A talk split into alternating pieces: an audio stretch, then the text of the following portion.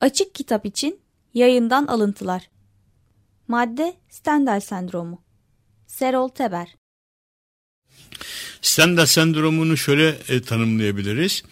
E, Stendhal Floransa'ya gittiği zaman o kadar küçük bir mekan içinde o kadar çok fazla e, kültür, o kadar çok fazla sanat eseri görmüştür ki sonunda bir katedralin içinde Stendhal'a ciddi bir baygınlık gelmiş, gel, baygınlık gelmiştir ve kendisini zorlukla dışarıda çimenlerin üzerine atıp yatmak zorunda. Dakikalarca e, yattıktan sonra kendini toparlayıp e, oteline dönecek duruma gelmiştir.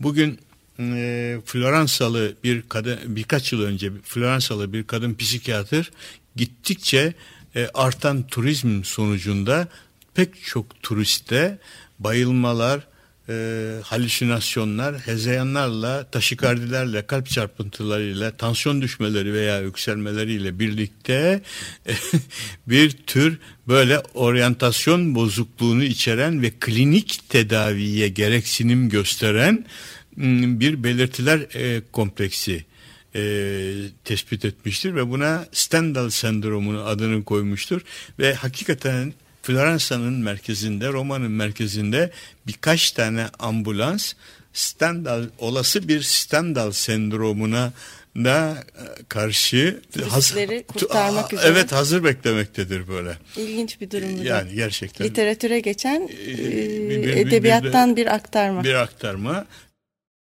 Açık kitap için yayından alıntılar. Madde Stendhal sendromu. Serol Teber